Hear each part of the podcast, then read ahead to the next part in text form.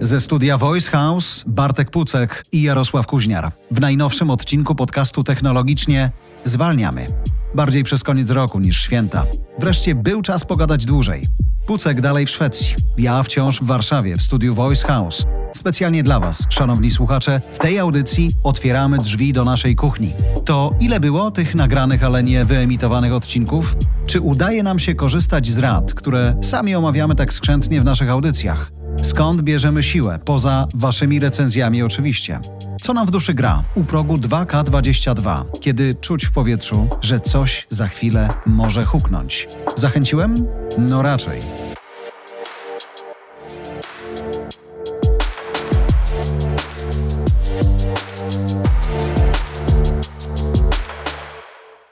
Cieszę się, Bartek, że jesteś w tej audycji, bo gdybym ja zaczął podsumowywać swój rok, to myślę, że słuchacze po pierwszej minucie powiedzieliby: Stary, to idź skocz z mostu. Dotrwaliśmy. Dotrwaliśmy. No, niezły rok, co? Tak. Ostatnio czytałem taką listę 10 największych stresogennych czynników, które mogą przyczynić się do śmierci człowieka. Mhm. I tak przeczytałem przez tą listę i stwierdziłem, że 7 na 10 to zaliczyłem w ostatnim roku. Co to było? Powiedz, co cię teraz już szczerze, to, że prowadzący kuźniar się śmieje, to nic nie znaczy, szanowni słuchacze, tylko szczerze. Co doprowadziło cię do największego kryzysu? Wszystkie rzeczy, których nie możesz zaplanować. Mhm. Bo wiesz, siadasz pod koniec roku, snujesz tam plany i wizje, co może być ciekawego, co się może wydarzyć, co mogę zaplanować, co mogę zrealizować. Lista długa jak mhm. bardzo. Można przeklinać. Na koniec roku podobno można.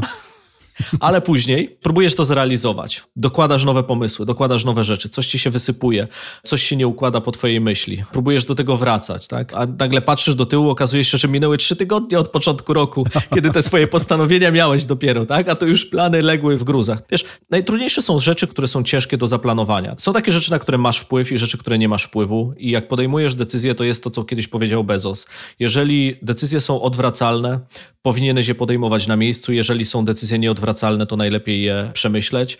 No i jest to duże spektrum, na które po prostu nie masz wpływu, tak? No bo czasami pojawia się jakaś szansa i jakaś możliwość z zewnątrz. Ktoś ci coś oferuje, ktoś mówi, chodź zrobimy to, chodź zrobimy tamto. Czasami są to rzeczy, na które kompletnie nie masz wpływu, po prostu ci się przydarzają i musisz sobie poradzić. To, co my widzimy, zazwyczaj w szczególności w sektorze technologicznym czy w internecie, no to jest ten front. Nie widzimy to, co się dzieje u każdego. To znaczy, widzisz ten front, który zazwyczaj wygląda bardzo dobrze, albo czasami może trochę trudniej, ale nie widzisz tego, co się dzieje z tyłu, a to, co się dzieje z tyłu, zazwyczaj jest najtrudniejsze. To prawda, choć tak jak mówisz o tym planowaniu, to dla mnie jesteś odkryciem roku w tym znaczeniu, że znam cię od technologicznej strony bardzo, natomiast to też było widać zresztą w statystykach naszych audycji i o tym sobie rozmawialiśmy poza waszymi uszami, że wszystkie te umiejętności, w cudzysłowie miękkie, umiejętności planowania, organizacji, deep worku i tak dalej, to było coś takiego, co z fascynacją tego słuchałem, bo się tego uczę, ale nie sądziłem, że jesteś aż tak poukładane i nie sądziłem, że, bo to, że z tygodnia na tydzień coś tam się robi, to tak, ale że jesteś w stanie zaplanować sobie 365 dni? Naprawdę? Do, do przodu na pewno nie. Jesteś w stanie spróbować zaprogramować sobie nawyki. To jest to, co ja staram się robić. Ja jestem pod tym względem ortodoksyjny. No ale tak? dobra, to nawyki znaczy... czego? Planowania na przykład, tak? Planowania. Na przykład to, że siadasz co tydzień czy co wieczór i planujesz następny dzień albo następny tydzień. To mhm. jest w stanie być twoim nawykiem. To, że są pewne obszary, w których możesz sobie określić, że chciałbyś się rozwijać, bo mamy też taką tendencję wyniesiona ze szkoły, że zazwyczaj poprawiamy to, w czym nie jesteśmy dobrzy. Nie? Mhm. W szkole jest tak, w polskiej szkole jest tak, że jak w czymś nie jesteś dobry, to musisz nadrabiać albo ewentualnie musisz się douczyć spędzić nad tym więcej czasu, tak? bo nie zdasz albo cokolwiek innego. Ale jak jesteś w czymś bardzo dobry, to niekoniecznie masz czas na rozwijanie tych pasji, bo musisz nadrabiać zaległości w rzeczach, w których nie jesteś dobry. A w życiu tak nie jest. Nie? W życiu powinieneś spróbować być 10x lepszy w tym, w czym jesteś dobry, a pewne rzeczy po prostu sobie odpuścić i być ok z tym, że czegoś nie potrafisz zrobić. Tylko wiesz, co jest największym problemem? Powiem to, nie wiem, czy będzie słuchał tej audycji, ale przed chwilą skończyłem nagranie tuż przed naszym połączeniem z jednym z liderów ogromnej firmy technologicznej, globalnej w polskim oddziale. Skończyliśmy nagranie, ja byłem z niego zadowolony, a on mówi, kurczę, to nie jest mój dzień. I ja myślę sobie, Szanuję, no bo nie będę zdyskutował i nie będę się kłócił z liderem, który ma o wiele większe doświadczenie liderskie niż ja. Ja jestem tym, który siedzi po drugiej stronie i tego słucha, ale mam takie poczucie właśnie, że my sobie cholera, może to się rzeczywiście zaczęło w szkole, że dla nas 100% to nigdy nie jest 100%, nie? To jest że... zawsze więcej i po prostu sami siebie zgnębimy szybciej i bardziej niż ktokolwiek po drugiej stronie słuchający czy oglądający nas, czy wyciągający wnioski z pracy z nami. Naturalna inklinacja każdego człowieka, wypełnianie wolnego czasu zadaniami do zrobienia, tak? Bardzo jest ciężko się nudzić, w sensie coś trzeba robić, nawet jeżeli się nudzimy. Zobacz, dwa przykłady. Dzisiaj zaplanowałem, że zrobię pięć rzeczy, zrobiłem z pięciu jedną. Generalnie rzecz biorąc, nie mój dzień. Rzeczy, które chciałem zrobić dzisiaj, większość z nich nie udało mi się zrobić. Czasami tak bywa, trzeba być też z tym ok. Czy jestem zły na siebie? Tak. Czy wszystko zależało w tym ode mnie? Nie. Tak samo jak kiedyś nagrywaliśmy odcinek. Tak. Powiedziałem ci, nie róbmy tego. Oj tak, ale nie, poczekaj, bo nie róbmy tego, to nagrywaliśmy i przerwaliśmy. A słuchajcie, szanowni nasi słuchacze, kiedyś będziemy o tym opowiadali w subskrypcyjnym modelu, dzisiaj jeszcze za free. Opowieści z kulis.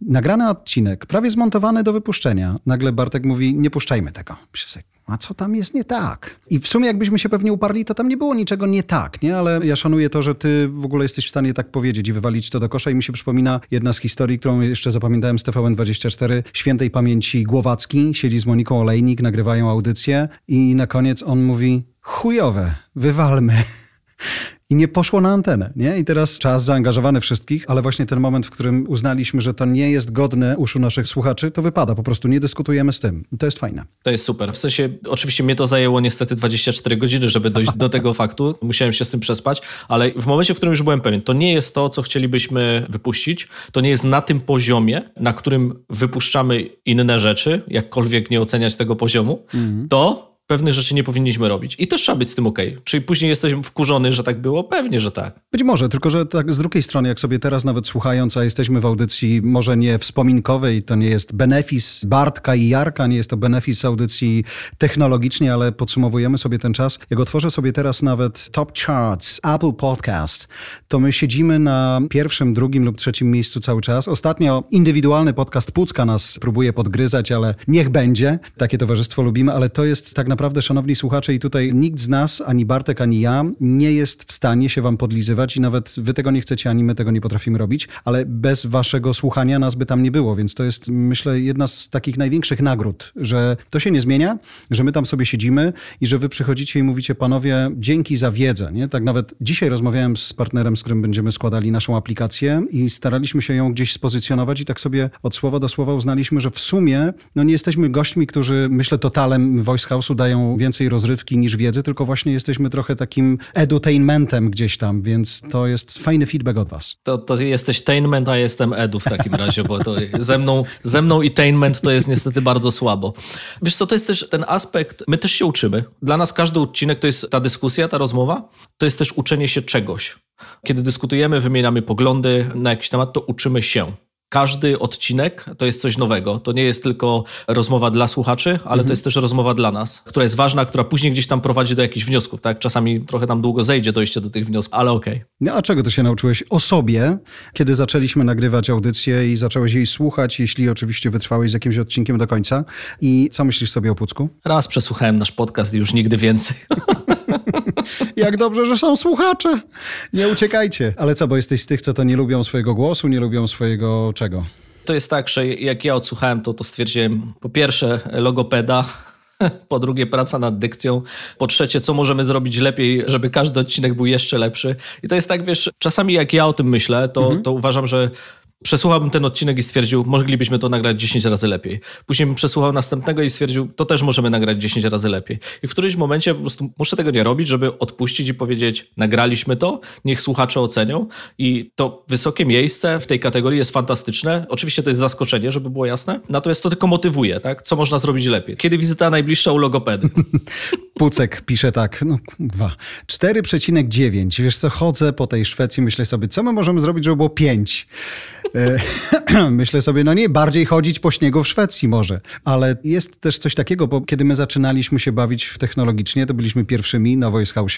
Sporo się ten rynek zmienił i teraz w kolejnym roku, bo to dla mnie jest na przykład największe wyzwanie, że teraz już nie będzie tak łatwo. Fajnie, że jesteśmy w takim momencie, w którym my możemy tylko przyspieszać, natomiast wierzę, że jakość będzie rosła. To, co się dzieje w Stanach i jak to tam wygląda, ale też to, co dzieje się na rynku brytyjskim, jak to się tutaj zmienia, to jest myślę coś, co będzie fajnie wpływało na ten rynek, więc idealny to był czas i w sumie myślę, że też jesteśmy przy tak, szczególnie ty, no bo ja jestem od tainmentu, tak, więc ja tylko pilnuję flow, ale to jest ten kawałek wiedzy, która dzisiaj jest niesamowicie ważna, myślę, dla ludzi, że oni szukają sprawdzonego źródła wiedzy o tak dynamicznie cholera zmieniającym się świecie dookoła nich przede wszystkim jeszcze podane w sposób taki, który jest wygodny i dostępny dla danej osoby. Tak? Niektóre osoby lubią content czy wiedzę podaną w określony sposób. I to jest tak, że nigdy nie zadowolimy wszystkich w rozumieniu tego podcastu, ale też tych, którzy się będą przysłuchiwać i przysłuchują się nam, 100% chcielibyśmy, żeby byli zadowoleni. Z drugiej strony, też jak patrzysz na coraz więcej osób, które zaczyna tworzyć swoje podcasty,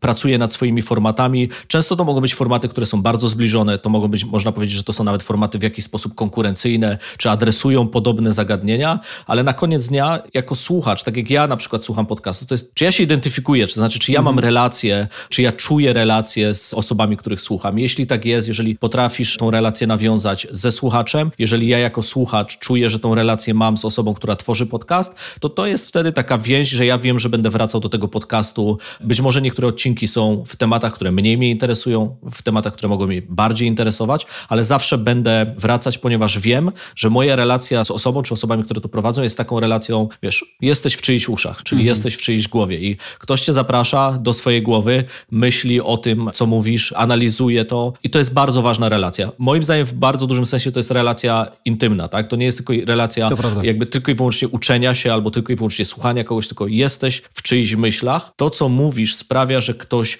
może myśleć o ciekawych rzeczach, ktoś może się czegoś nauczyć, ktoś może być w czymś lepszy. Możesz komuś zaoferować inną perspektywę niż do tej pory miał. I jeżeli spotykasz ludzi wokół siebie w tych słuchawkach z otwartą głową, z chęcią do uczenia się nowych rzeczy i potrafisz dostarczyć tą wartość, to jest fantastycznie. I pod tym względem im więcej osób nie tylko słucha podcastów, ale też robi podcasty, wszyscy na koniec dnia wygrywamy. To prawda. Jest taki podcast, seria właściwie BBC, która się nazywa Podcastology i oni, no teraz może mniej nagrywają, ale nagrali bardzo dużo odcinków pokazujących, dlaczego oni w ogóle zabrali się za to. Dla mnie wiedza bezcenna, bo tam siedzą najważniejsi dyrektorzy BBC-u, którzy normalnie pewnie bym się umawiał na spotkania, płacił za to, żeby oni mi opowiedzieli dlaczego. Dzielą się tą wiedzą w sposób w ogóle bezceremonialny. Intymność to jest najważniejsza rzecz, na którą zwracają uwagę. Druga rzecz dla nich z perspektywy całego BBC to jest poszukiwanie obszarów, w których mogą znaleźć młodszych słuchaczy. No i ten on demand, czyli ta różnica między radiem, które też BBC ma cudownie rozwinięte, może nie tak jak, chociaż podobnie pewnie jak całe publiczne radio w Stanach Zjednoczonych, to jest właśnie to, że decydujesz kiedy, że to jest zamknięta forma, że możesz się zabawić. I nawet też patrząc po, po trendach, które oni sobie gdzieś tam wypisali, w które by chcieli pójść, i tutaj ja się z kolei inspiruję do nas, to jest comedy, ale takie comedy, które jest napisane specjalnie pod warstwę podcastową, to jest narrative, czyli szukanie fajnych historii, ten cały storytelling, ale właśnie wpuszczony do uszu intymnie, gdzie wszystko słychać, tak jak mówi Bartek, niedoskonałości językowe, świszczenie, kiedy się oddycha źle i nie przeponą, tylko płucami i wszystkie inne rzeczy. Później Discovery and Explain, potem Daily News między innymi, no i też ta forma podcastów w odniesieniu choćby do tych tematów od dwóch godzin po półtora minuty. No w tej kategorii komedii to na mnie nie licz, aczkolwiek you ostatnio... never know. Aczkolwiek ostatnio przeczytałem takie ciekawe badanie, było, że dobra jakość dźwięku sprawia, że brzmimy 19% mądrzej. No więc tak. E, inwestycja w mikrofon jest absolutnie esencjonalna w tej Co branży. Co powiedziałeś? Jak ja bym tu siedział daleko, czyli jestem 19% gorszy teraz, tak? Zobacz, jak niedaleko jest od głupiego do mądrzejszego. Jakieś 20 metrów. Dzięki za te dane, Bartek. To zmienia moje życie. A teraz wszyscy inwestują w dobre mikrofony. Wychodzą spod stołu, odkrywają koc, mówią, Jezu, jedziemy do Voice House'u. Tam. No ale jest coś takiego, ja miałem to przy podcastach amerykańskich, których słucham sporo, dlatego, że kiedy był COVID, no to siłą rzeczy spotkanie w studiu nie było możliwe i wszyscy się nagrywali przez Zoomy, wypłaszczony dźwięk, dwie godziny słuchania, no nie da się. My teraz, Trudno. tak swoją drogą, szanowni słuchacze, bo dla Bartka to też myślę była jedna ze zmian, ty jesteś w Szwecji od jakiegoś czasu, nie? Prawie na stałe. Tak. No i teraz my nagrywamy się zdalnie. Bartek sobie siedzi w śniegu, w pięknych okolicznościach przyrody, A ja siedzę sobie w nie gorszych w Warszawie. Nie mamy słońca od tygodnia, więc wiem, co to znaczy witamina D. Może nie w takich proporcjach, o których mówiłeś ty ostatnio, ale jednak i nagrywamy się zdalnie używając technologii, która jednak pozwala nam, żeby to brzmiało tak, żeby właśnie te procenty nie odbierały nam mądrości. Bartek nagrywa się na swój specjalny mikrofon, my korzystamy z tego, co mamy tu w studiu. Natomiast widzimy się też, używamy kamer, żeby się widzieć, mimo że nie patrzymy sobie może jakoś specjalnie głęboko w oczy, ale myślę, że to też pomaga trochę przypilnować tego flow, które było, jak siedziałeś tu na tyłku w studiu. W stu procentach. W ogóle zobacz, jak formuła rozmowy, mm. jak porównasz ją do produktów. Mm -hmm. Jak zobaczysz, jakiego rodzaju w ogóle produktem jest podcast. W większości produktów internetowych czy innych możesz zawsze coś stworzyć, czyli dodatkową funkcjonalność, dodatkowy feature, który rozwinie to, jak ktoś korzysta z tego produktu. W podcaście, podobnie jak w newsletterze,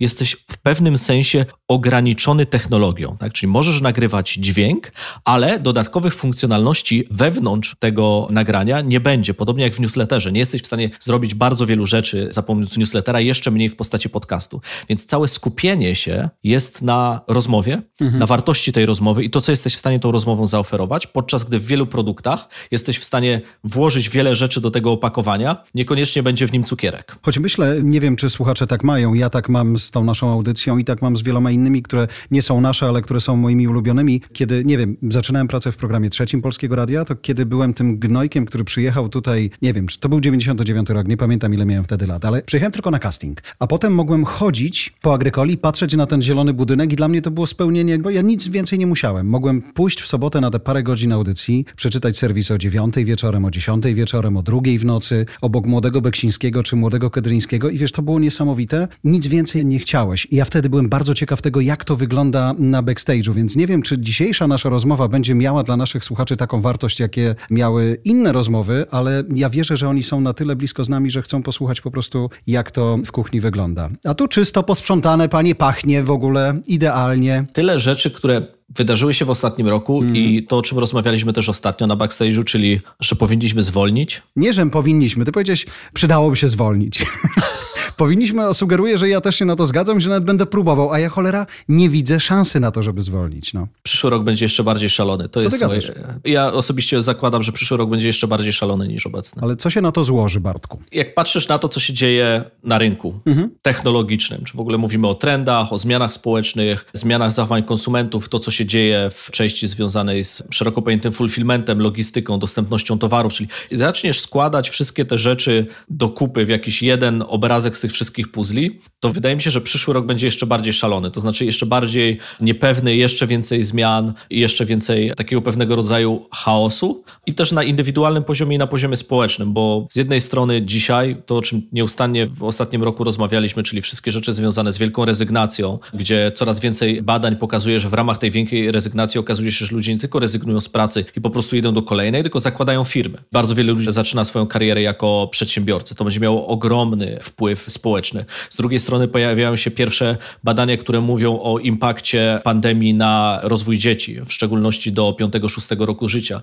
Okazuje się, że pierwsze to jest jeszcze badanie, które jeszcze wymaga peer review, tak? ale okazuje się, że bardzo duża grupa badanych dzieci w ramach tego researchu okazało się, że IQ w trakcie z powodu braku opieki, braku uczęszczania do szkół i przedszkoli, IQ spadek jest nawet minus 20 punktów. To jest ogromny, w sensie spadek 20 punktów IQ jest jakby, to jakby to jest katastrofalna rzecz, tak? I nawet jeżeli on będzie mniejszy i okaże się, że po peer review te badania będą nieco inne, to ma to ogromny wpływ. I teraz jak poskładasz te drobne, drobne rzeczy, które się dzieją w bardzo wielu miejscach, to zazwyczaj jak je poskładasz do przysłowiowej kupy, to są zbyt duże zmiany, żeby można było po prostu tak przejść jakby obok tego obojętnie. I wydaje mi się, że, że taka kulminacja jest jeszcze przed nami, tak? Jest cała ta dyskusja wokół części ekonomicznej, nie tylko związanej z inflacją, ale też z tym, co się dzieje na, na rynkach finansowych, giełda, część związana z krypto, gdzie jakiś rodzaj resetu też pewnie mógłby nastąpić. I moim zdaniem teraz jakby czeka nas rok bardzo, bardzo dużej niepewności. I to nie jest kwestia tego, że chciałbym, albo że to jest moja predykcja. To są jakieś takie rzeczy, wokół których ja dzisiaj mam dużo znaków zapytania. Ja się z Tobą zgadzam, tylko myślę sobie i swoim cholernie zmęczonym organizmem na końcu 2021, ale podejrzewam, że nie jesteśmy jedyni w tym gigantycznym zmęczeniu. Zobacz, 2020 byliśmy w takim stresie, że zapieprzaliśmy bardziej niż kiedykolwiek i to widać po wynikach firm. Wszyscy po prostu ratowali wszystko jak mogli. Nikt się nie oglądał na nic, tylko albo ratował życie swoje, albo ratował życie swoich rodziców wtedy, a później ratował swoją firmę, swój biznes i wiedział, że musi zapieprzać właśnie tak jak ten, który jest na swoim, po prostu bardziej niż kiedykolwiek. W końcówce 20 roku, czyli cholera, dokładnie rok temu, żyliśmy nadzieją, że dobra, są grudzień, szczepionki, okej, okay, no to przyjdą szczepionki, jak się otworzy, to wszystko wreszcie ożyjemy. I przychodzi 21, pojawiają się szczepionki, przychodzi otwarcie, poluzowanie, nagle jest jakieś gigantyczne odbicie, wszystko teoretycznie wraca do normy i nagle słyszysz delta. Myślisz sobie, what the fuck, jaka delta? Za chwilę słyszysz omikron. What, jaki omikron? To już miało się kończyć. Nie ma końca. I ten moment, w którym nie ma końca, Kolejny rok nie ma jakiegoś takiego, tak mi się wydaje, i to chyba nie tylko w mojej głowie, takiego życia jednak nadzieją, że najgorsze już za nami. Wydawało się, że najgorsze było, później pojawiło się jeszcze gorsze, i teraz tak naprawdę nawet ta definicja tego właśnie, co jeszcze cholera może nam się przytrafić, jest tak trudna do wypełnienia, że ta niepewność przeciągająca się jest w sumie najtrudniejsza cholera. I zobacz, jaki jest dysonans. Z jednej strony patrzysz na to, co się dzieje, nie wiem, w świecie technologii. Ciężko nie być optymistą. W każdej dziedzinie świata technologicznego, jak zanurkujesz w poszczególne dziedziny od Web3 przez bioengineering, gdziekolwiek, Musisz być optymistą, widząc, jakie jest tempo rozwoju. Dzisiaj produkujemy, przepraszam, w cudzysłowie, produkujemy 200 razy więcej nowych komputerów na sekundę niż nowych ludzi. Mhm. Okay? W sensie tak. moc obliczeniowa, którą ludzie wytwarzają po to, żeby tworzyć nowe rzeczy, które czasami mają sens, czasami nie mają sensu, ale generalnie rozwojowo pchają ludzkość przed siebie, to to ma ogromną wartość. I ciężko nie być optymistą. Z drugiej strony jest tak wiele miejsc, w których jeżeli spojrzysz na zmiany społeczne, zmiany kulturowe, zmiany ekonomiczne, ciężko nie być pesymistą. I masz ten ogromny dysonans podlany zmęczeniem, autentycznym zmęczeniem, którego kredyt spłacasz przez ostatnie dwa lata. To, co powiedziałeś, czyli w pierwszym roku wszyscy zasuwamy na to, żeby firmy, biznes, życie, rodziny nie upadało. Kolejny rok, no jedziesz na pewnego rodzaju deficycie już, tak? Bo, bo ciągle, ciągle zmiany, ciągła niepewność, raz jest lepiej, raz gorzej, optymizm, bo się otwieramy, kolejny lockdown, zamykamy, kolejna fala i tak dalej, i tak dalej. I wiesz, żyjesz w tej niepewności. Na tym fizycznym kredycie, który został zaciągnięty dwa lata temu i w którymś momencie dla każdego człowieka przychodzi sprawdzam. Czasami sprawdzam będzie dla wielu osób niestety albo dla wielu osób oznacza zwiększenie przypadków związanych z depresją i takimi, powiedział, chorobami cywilizacyjnymi, bardzo trudnymi, długotrwałymi i trudnymi w leczeniu. Czasami to są zmiany związane z pracą zawodową, czasami to są zmiany związane z rodziną. Ten kryzys pojawia się w bardzo wielu miejscach i to jest tak, że po prostu dla każdego przyjdzie moment spłaty tego kredytu. No i pytanie jest zazwyczaj takie, jak duży ten kredyt do spłacenia będzie nie da się tego cholera przewalutować, ale nawet to, o czym rozmawiamy teraz, zobacz, ja mówiłem o tym w kontekście podcastu, że my niby technologicznie, ale te miękkie rzeczy pokazujące, jak sobie zorganizować czas, czy pokazujące właśnie, jak podzielić odpowiedzialność i tak dalej, i tak dalej, to było coś takiego, czego wyraźnie nasi słuchacze chcieli. Mam wrażenie, że w wielu zawodach, to o tym rozmawialiśmy też w czasie audycji z jednym z naszych partnerów, The Protocol, że nagle nie ma czegoś takiego, że jesteś tylko technologiczny. Dzisiaj musisz być też ludzki w tym wszystkim, więc tej empatii musi być więcej więcej. Ta empatia siłą rzeczy, takie zafokusowanie się, z całym szacunkiem to mówię, ale zafokusowanie się, czy sfokusowanie się na tym, że ja mam zrobić dobrą rzecz i koniec, nie muszę z nikim gadać. Dzisiaj nie ma czegoś takiego, muszę pogadać, a to gadanie kosztuje powielokroć więcej niż cokolwiek innego. I to też są takie nowe umiejętności. Mówimy o Great Resignation, czy o wielkiej rezygnacji także w Polsce, gdzie rzeczywiście, tak jak wspominasz, ludzie nie tylko z firm technologicznych nagle mówią, kurczę, można inaczej, to ja założę własną działalność. Wiemy sami, że własne działalności nie są najprostsze i myślę, że są fascynujące, natomiast kosztują czasem bardzo dużo energii, której jakby korporacja generuje inną energię, ale tutaj jest inna energia i to też jest coś takiego, na co trudno się przygotować, co może być za chwilę jakimś odwrotem, bo jest dużo też takich, szczególnie, nie wiem, w startupowym środowisku ludzi, którzy postanowili w którymś momencie odejść, ale niektórzy wrócili równie szybko, jak odeszli, dlatego że widzieli, że to jest bardzo trudne. Nie przypilnowanie wielu rzeczy, na które do tej pory nie musiałeś mieć wpływu, nie pilnowałeś ich. Jestem ciekaw, tak jak wspominałeś o badaniach w związku z IQ dzieciaków w konkretnym wieku, że dziś jeszcze tak wielu rzeczy nie wiemy, że to jest i fascynujące, i przerażające. Też trzeba być z tym pogodzonym, że zawsze będą rzeczy, których nie wiemy, natomiast to, co pcha nas do przodu, to jest ta ciekawość świata, tak? Że to, że nie wiesz, jest samo w sobie ciekawe i postanawiasz eksplorować rzeczy, których nie wiesz. To, co jest moim zdaniem mega trudne, tak jak patrzymy z perspektywy końcówki roku, snucia planów dotyczących regularnych wizyt na siłowni i tak dalej, i tak dalej, to jest też to, na czym się skupić. W ogóle święta czy na okres noworoczny skłaniają ku refleksji, tak? I masz tą możliwość odcięcia się od pewnych rzeczy, przemyślenia, czasami to będzie spacer, czasami pobyt w gronie rodziny, na czym się skupić. I te tak zwane cele noworoczne to jest jedna kwestia, to jest jak chcesz sobie podsumować wewnętrznie twój ostatni rok, czy, czy ostatni okres, jeżeli to jest, nie wiem, kilka miesięcy, czy pół roku swojego życia, a zupełnie inaczej, jeżeli chcesz też podsumować sobie więcej lat, czyli czy kierunkowo jesteś w tym miejscu, w którym zakładałeś wiele lat temu, że chciałbyś być, ale też jakie są plany na przyszłość. No i teraz możesz mieć pełną listę rzeczy do zrobienia na kolejny rok. I są też różne szkoły, które mówią, że warto tworzyć te cele na kolejny rok, no i szkoły, które mówią, że nie warto tworzyć celów na kolejny Wiesz rok. co, to ja cię, szanowny Pucku, zapytam. Niech to będzie te top 5, które sobie przygotowujesz, nie? Pięć rzeczy, które chciałeś zrobić. W ten czwartek, kiedy nagrywamy tę audycję, wiemy, że zrobiłeś jedną, bo to nie jest twój dzień. Czy w takim razie, wiedząc, że czas jest trudny, planujesz krótsze rzeczy do zrobienia, inaczej do tego podchodzisz? Ta lista jest inna? Ta lista jest dłuższa na początku roku, a krótsza pod koniec roku. Mhm. Kiedy już nie masz paliwa po prostu. To nawet nie to, że paliwa, tylko też przychodzi refleksja. Ja na przykład złapałem się na tym chyba w okolicy wakacji, czerwca, lipca, że robię bardzo dużo rzeczy. Że mam bardzo dużo rzeczy i chcę robić bardzo dużo rzeczy. Pogadajmy ale jak, ale jak spojrzałem na to, czy, czy wszystkie mają jednakową wartość i jednakowy sens, to okazało się, że nie. I być może na przykład niektóre rzeczy, które chciałem zrobić, na przykład wokół newslettera, były motywowane tym, że inne osoby chciałyby, żebym ja je robił. Żeby były w mojej w cudzysłowie ofercie, albo że powinienem je zrobić, no bo taki jest trend, inni robią rzeczy. Ja jak słyszę taki argument, to automatycznie 180 stopni, czyli ktoś robi jakieś rzeczy, ja stwierdzam, to ja tego nie będę w takim razie robił. U mnie jest jakby to jest, działa w drugą stronę, czyli jest nawet większa przekora, żeby pewnych rzeczy nie robić, ale też żeby się skupić na większej wartości, no bo z tych 10 rzeczy, które masz do zrobienia, nie wszystkie będą miały taki sam efekt. I wiesz, jak pędzisz codziennie, jeszcze więcej, jeszcze więcej, tam planujesz tą rzecz, tamtą rzecz i jeszcze jedną rzecz, ale nie każda z nich będzie miała taki sam efekt. Dobra, to jest y, związana z newsletterem rzecz, której nie zrobiłeś. A co sobie jeszcze odpuściłeś w tym roku?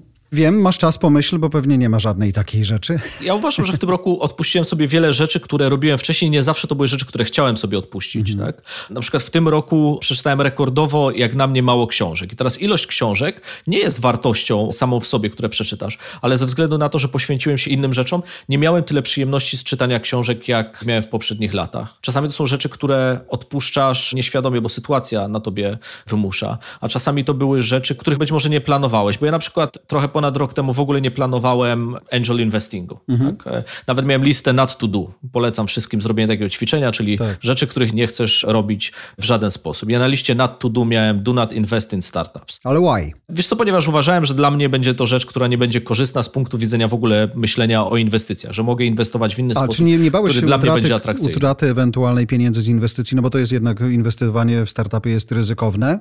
Czyli nie bałeś się tego, tylko tego, że to tobie nie da wartości żadnej, tak? Tak, to znaczy, że ja z perspektywy, jeżeli myślę o inwestycji kapitału, zależnie od rodzaju ryzyka i alokacji tej inwestycji, to dla mnie startupy nie będą najciekawszym źródłem alokowania kapitału. Ale okazało się, że się myliłem i życie, że tak powiem, napisało różne inne scenariusze. Ale że wszedłeś w to, czy masz już pierwsze sukcesy finansowe też? O to chodzi, czy co? Wiesz co, no, jest tak, że ja zainwestowałem w ostatnim roku w kilka startupów, z czego chyba pięć jest oficjalnych, trzy jeszcze nie, więc to jest, bym powiedział, sporo, bo jak już wszedłem To w od fazę 0 do planowania, 5 to zajebisty wynik, powiem ci. No tak, plan- Not to invest in startups i nagle, wiesz, w 5 zainwestowałem. Brawo, No Bartek. to, to jest... Okej. A, planowa- a planowałem w jeden, nie? Planowałem jeden w roku. Ładne. No okej, ale wiesz, zastanawiam się, powiedz mi, bo ja jako ten, który z kolei szuka inwestorów czasami. Czy ludzie mówią, Bartek, chodź z nami, bo masz wiedzę, która nam się przyda, zostaw se swoje pieniądze, chodź z nami dla twojej wiedzy? Bardzo często tak. To znaczy komponent inwestycji, jeżeli mówimy o inwestowaniu w startupy, może się składać z dwóch elementów. Z kapitału i kapitału i wiedzy, tak? Albo ewentualnie kapitału i networku, tak? I dzisiaj akurat na rynku sytuacja wygląda tak, że jeżeli startupy szukają kapitału, czy founderzy, founderki szukają kapitału dla swojej firmy, czy szukają finansowania, to bardzo często układają tą rundę inwestycyjną w taki sposób, aby znalazł się na niej nie tylko kapitał. Bo dzisiaj kapitału na rynku jest bardzo dużo. To znaczy, jeżeli twój pomysł jest skalowalny, atrakcyjny, to szanse na to, że znajdziesz kapitał są bardzo wysokie i ten kapitał znajdziesz w wielu miejscach. Natomiast jak już zaczynasz tą rundę zbierać, to być może chciałbyś, żeby osobami, które uczestniczą w twojej rundzie, nie byli tylko i wyłącznie osoby, które są zainteresowane zainwestowaniem pieniędzy, ale oprócz pieniędzy wkładają jeszcze wiedzę, kontakty, to może być e, jakaś konkretne kompetencje, które ty potrzebujesz w swojej kategorii biznesu, albo jesteś na etapie na przykład skalowania swojej spółki, więc szukasz ludzi, którzy pomogą ci w tym zakresie, albo będziesz szukał inwestorów, którzy pomogą ci w zakresie, albo mają doświadczenie w zakresie ekspansji zagranicznej i wtedy dobierasz sobie takie portfolio. I kilka takich spółek, w których ja miałem okazję akurat zainwestować, to są takie, które naprawdę bardzo świadomie składały swoje rundy inwestycyjne. Bardzo, bardzo świadomie. Oczywiście są takie firmy, które oportunistycznie bardzo zbierają, to znaczy jak największą rundę i oczywiście też są takie firmy, ale ja staram się trzymać z daleka. Fajne, bo też ten rynek fajnie wygląda i że tak jak mówisz, rzeczywiście pieniędzy jest sporo, ale, ale sam widzę, że to nie jest takie łatwe. Też słyszę od inwestorów, że początek, a propos tego, o czym mówiliśmy, takiego też poczucia naszej energii, naszej emocji, naszego podejścia do życia, początek roku był bardziej optymistyczny, więc to wyglądało zupełnie inaczej. Końcówka roku jest zupełnie inna. To, o czym mówisz i to, o czym wspominaliśmy też w odcinku w kontekście NFT, że szykuje się być może jakieś tąpnięcie na giełdzie, bo dawno nie było. Indeksy amerykańskie są wysoko jak nigdy, dawno, więc to też jest coś takiego, że nagle wszyscy mówią hold my money i nie, nie idę, nie zaryzykuję. Ale z kolei jest też bardzo dużo, szczególnie w tych ostatnich miesiącach, świetnie zakończonych rund inwestycyjnych także na polskim rynku, czy w kontekście polskich firm, bo może polski rynek to jest dla nich za płytki, ale polskie firmy robią gigantyczne światowe inwestycje. Fajny czas. To jest dobry czas dla polskich startupów i, i można mieć na to dwie perspektywy. Jedna perspektywa to była ta, która była pokazana ostatnio w raporcie Atomico dotyczącym europejskiego rynku inwestycyjnego,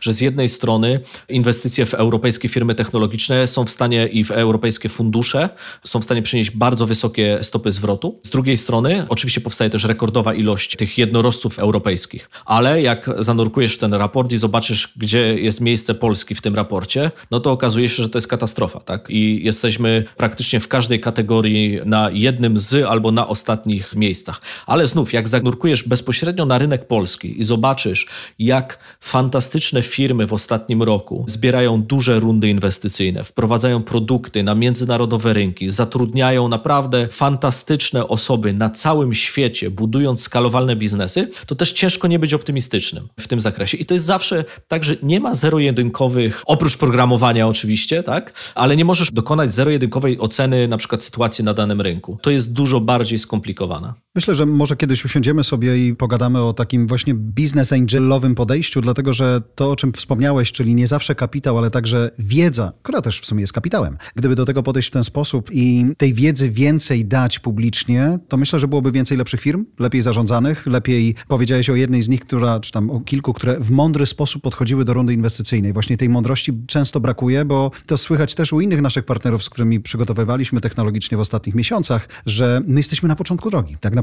Tutaj jeszcze się biznesy lat 90. wciąż są na topie, a te nowe jeszcze dopiero rosną. W Polsce jest grupa bardzo ciekawych business angels. Zdecydowanie powinniśmy kiedyś z nimi porozmawiać. Mm. Ja mhm. tutaj jestem jakby uczniakiem. Ty jesteś więc, aniołkiem e, biznesu ja, na razie. Ja, ja, się, ja, się dopiero, ja się dopiero uczę, tak? więc musimy zaprosić tych właściwych ludzi zdecydowanie.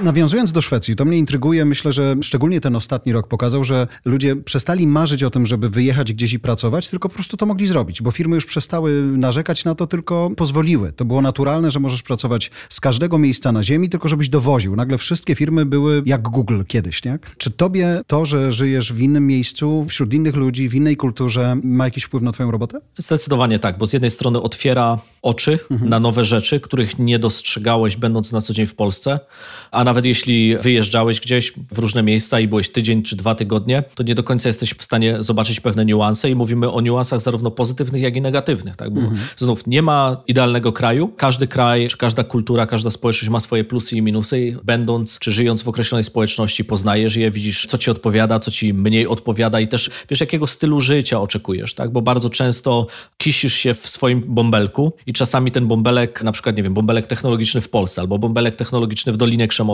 będzie wyglądał zupełnie inaczej niż ten sam bąbelek, ale w innym kraju, albo zupełnie inny bąbelek. Ja mam takiego znajomego, który jak rozpoczęła się pandemia i pierwsze lockdowny, to był naprawdę, naprawdę przestraszony tym, co się dzieje, rozważał sprzedaż swojej firmy. Rok później, wyprowadzony na południową wyspę, świętujący największe sukcesy w historii swojego biznesu, jest w zupełnie innej pozycji i innym stylu życia, który z jednej strony nigdy bym się nie wydarzył, gdyby po prostu miał sam zdecydować, czyli sytuacja go przymusiła do wykonania pewnych ruchów i one okazały się fantastycznym sukcesem, ale oczywiście na każdy taki przypadek jest jeszcze wiele, wiele innych przypadków, gdzie, gdzie na przykład coś się nie udało i, i ludzie są w bardzo, bardzo trudnych sytuacjach, nie tylko zdrowotnych, ale też właśnie tych biznesowych. Czy my chcemy na siłę być optymistyczni na koniec jakoś, czy nie?